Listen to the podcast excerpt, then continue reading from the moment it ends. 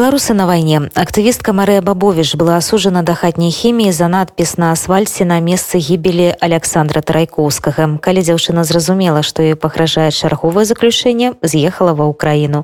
Зараз Марыя разам з украінскімі валанцёрамі дапамагае адбудоўваць зруйнаваныя рускімі бомбамі і снарадамі украінскія гарады.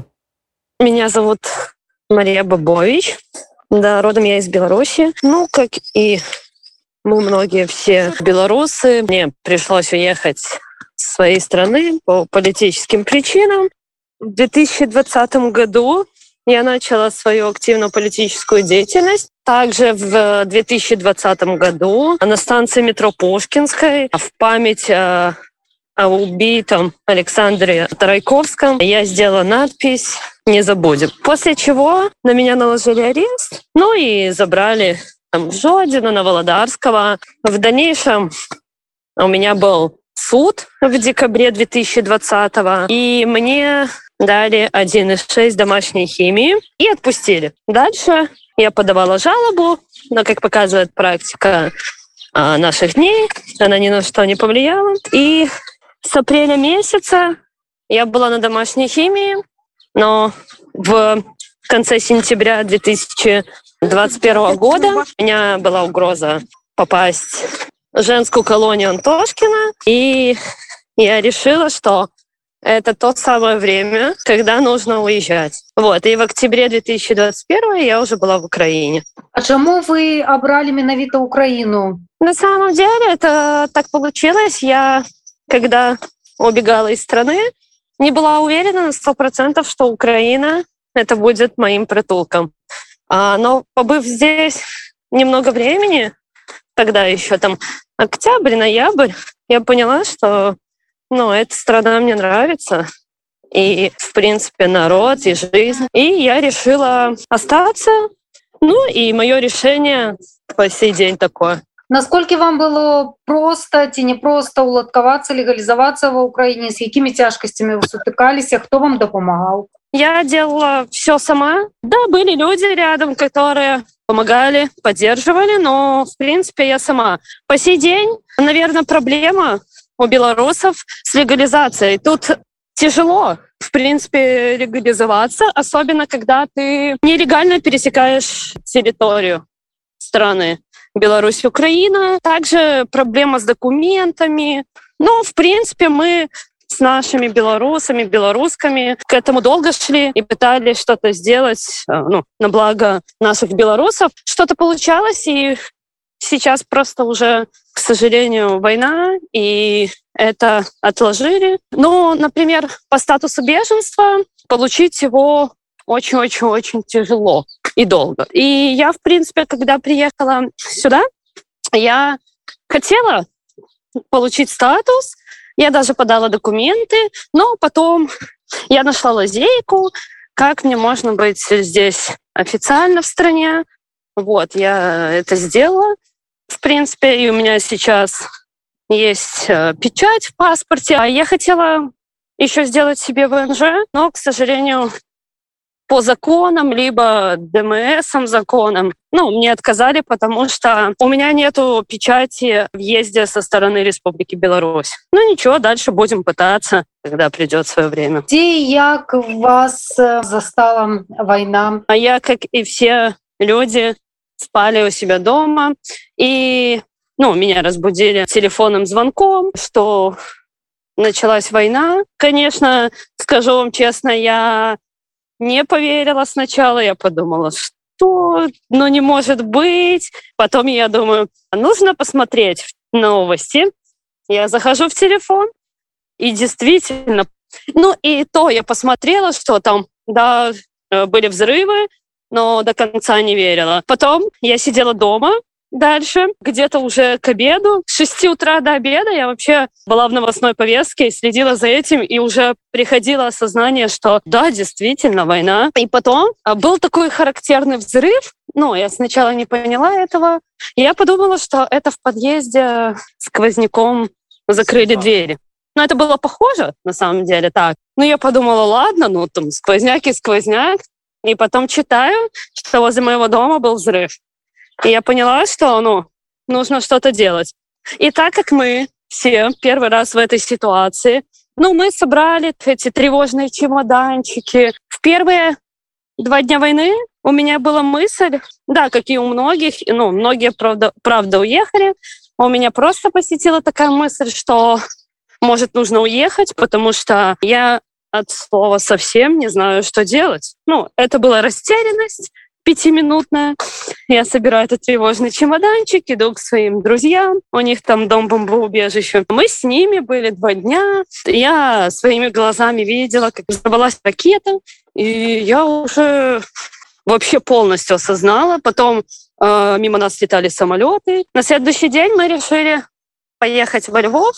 Знаете, когда я приехала на вокзал, и увидела этот весь ужас. Ну, ужас в том, что там э, женщины, дети, мужчины, которые их не пропускают, и это все так сумбурно, и эти эвакуационные поезда, и все хотят попасть, и там начиналась давка, там даже стрельба была, ну, в воздух, чтобы успокоить эту панику. И я стою и думаю, не знаю даже, что делать, ехать дальше или нет. Ну, в итоге я думаю, попаду в поезд, поеду хотя бы во Львов. Не попаду, вернусь обратно. Я попадаю в этот поезд, Киев-Львов, и все. Я сажусь, смотрю на это все, но люди полностью растеряны, в панике. И становится так грустно, что я задумалась, что зачем мне уезжать из страны, когда к сожалению моему, с нашей страны летят ракеты. И я тогда решила, что я никуда не поеду из этой страны. Я приехала во Львов, сидела, думала, просто так сидеть тоже не вариант. И мы решили, что нужно волонтерить. Первые тоже тогда дни, никто не знал, что делать. Все делали все, что могли. И мы на третий день войны помогли открыть шелтер во Львове для беженцев. Мы туда привезли все самое первое необходимое, и начали приезжать люди, мы их встречали. Это из первых таких моих дел, и тогда я тоже уже поняла, что нужно делать все, что возможно. Потом гуманитаркой помогали, эвакуировали людей. Потом уже прошло время, вернулась в Киев. Было еще тогда неспокойно, еще были взрывы, но их уже становилось меньше, меньше и меньше. Ну и, в принципе, людей было в городе меньше, и на сирены люди не реагируют. Ну и я подумала, в принципе, ну нормально, буду в Киеве распавядзіце калі ласка вось про гэты шэлтер во Львове сколькі людзей прыкладна праз вас прайшло там за якісьці там пэўны час приезжали по-разному но все были почти без ничего. Ну, мы им давали все, ну, там, еду, первое необходимое, там, крышу над головой, потому что, особенно в марте, это было как, ну, они просили просто хотя бы э, поспать, потому что очень долгая дорога была когда они ехали, это понятно. Все, они спали потом, ехали дальше. Ну, многие в Польшу ехали. Не скажу чис, ну, точное количество, ну, больше двухсот, это точно. Сейчас даже больше. Сейчас уже меньше людей, э, в принципе, ездят. Вот. Но в первый месяц войны было очень много. Ну и не только же один наш шелтер. Во Львове на самом деле много классных ребят, которые тоже открыли а, шелтера, которые готовят и готовили бесплатные обеды. А, много приезжало и приезжает гуманитарной помощи с э, других стран. Сейчас работают штабы гуманитарные, поэтому, в принципе, люди, которые попадали во Львов, ну, я так скажу, они были, ну, в надежных руках волонтерской команды. Что самое интересное, почему мне не нравилось во Львове, это вы, наверное, слышали и следите за новостной повесткой так э, отношение Украины к белорусам. Оно очень печальное тем, что в первые дни, когда мы были во Львове, скептическое отношение было, особенно когда, когда они видели наши паспорта. Они такие, ага, белорусы, и начиналось. Ну, то, что наша страна агрессор, поэтому было очень неприятно. А в Киеве чуть попроще, но все равно мы сталкиваемся. Сейчас как бы я не особо сталкивалась, но пару раз было, что агрессивно нас встречают. А, когда я агрессивно сталкивалась, это когда я, уже будучи в Киеве сейчас, решила для себя, что я буду ездить, восстанавливать города после оккупации.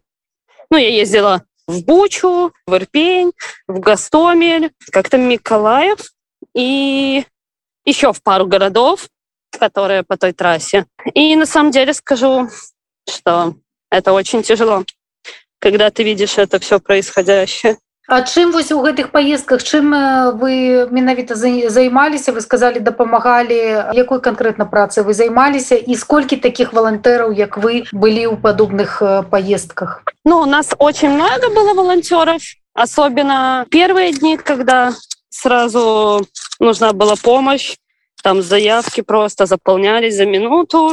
И, в принципе, мы ездили. Кто чем, я вам скажу, занимался? Не знаю, сколько наших белорусов туда ездили, ездила. Но я знаю, что ездили наши ребята и помогали. Мы занимались, ну, смотря, что нужно было для города. Э, в первые дни это было ну, колоссальная расчистка улиц, чтобы могла проехать э, техника, Потом э, расчистка поврежденных и полностью разбомбленных зданий, потому что там каждый третий дом либо полностью разрушен, либо пострадал. Уже не говорю про людей, сколько, к сожалению, там погибло. Ну, гуманитарку там возили. В основном это было восстановление города, так как в расчистке и разбирали завалы. Я так разумею вы плануеце заставацца в Украіне з'язджаць не збіраецеся Ну па-першае чаму а по-другое Ну як вы плануеце сваё жыццё як вы яго бачыце бліжэйшай будучыні Нет я не планирую уезжать это я уже твердо решила еще тогда сейчас тоже кстати остались наши белорусские белорусы волонтеры и мы пытаемся вот давать эту повестку чтобы нас слышали и к нам было другое отношение вот, это во-первых. Во-вторых, да, я буду здесь до конца. А в-третьих, как я планирую, на самом деле я сейчас ничего не планирую, потому что я не знаю, что сейчас планировать. Потому что вы сами понимаете, что это не то время для каких-то планов. Да, я планирую сейчас, смотря уже сейчас, э, допустим, города более-менее жили. Э, сам Киев, он прекрасен. А, те города, которые мы восстанавливали, они тоже уже приходят к жизни. Ну и я планирую поехать, быть может. Это еще не точно. А, посмотрю, как мне получится попасть. Поехать э, Одесса, Николаев, потому что я вижу, что и на данный момент, и в скором времени там тоже нужна будет помощь. Как людям, так и городам. Як вы уладкоўваеце свой побыт увогуле выжываеце тому что вядома что с пачаткам войны беларусам заблокавалі картки. Да к сожалению карты заблокировали и это было для нас очень проблематично. И до сих пор как бы решается этот вопрос. К сожалению э, моему даже ну нашим военным которые здесь э, э, тот же самый наш батальон костуся калиновского и просто отряды, которые сформировались нашими белорусами не только в Киеве. Чтобы вы понимали, даже на данный момент им карточки, ну, то есть сделали туда зачисление, они говорят, что, ну, вы белорусы, мы не можем. Я живу, ну, у меня что-то было по мелочи, ну и там э, я работаю в онлайне, ну и живем, пока что и живем. Мы же белорусы, мы, как я говорю, умеем самоорганизоваться в тяжелых ситуациях. Поэтому будем видеть. Ці думали вы ці уяўлялі сабе той момант калі вы павернецеся у Беларусь ці плануеце вы гэта хороший вопрос я об этом тоже думала безусловно я хочу вернуться на свою родину в свою страну к своим родителям как минимум я прям не могу на сто процентов вам ответить на вопрос, останусь ли я в Беларуси. Безусловно, я буду помогать своей стране, как смогу, когда мы, дай бог. Надеюсь, в скором времени туда вернемся, а так не знаю. Может быть, я, да, останусь там, ну, либо буду в Украине. Будет видно. Когда будет тот самый знаменательный день, то потом я обязательно расскажу об этом.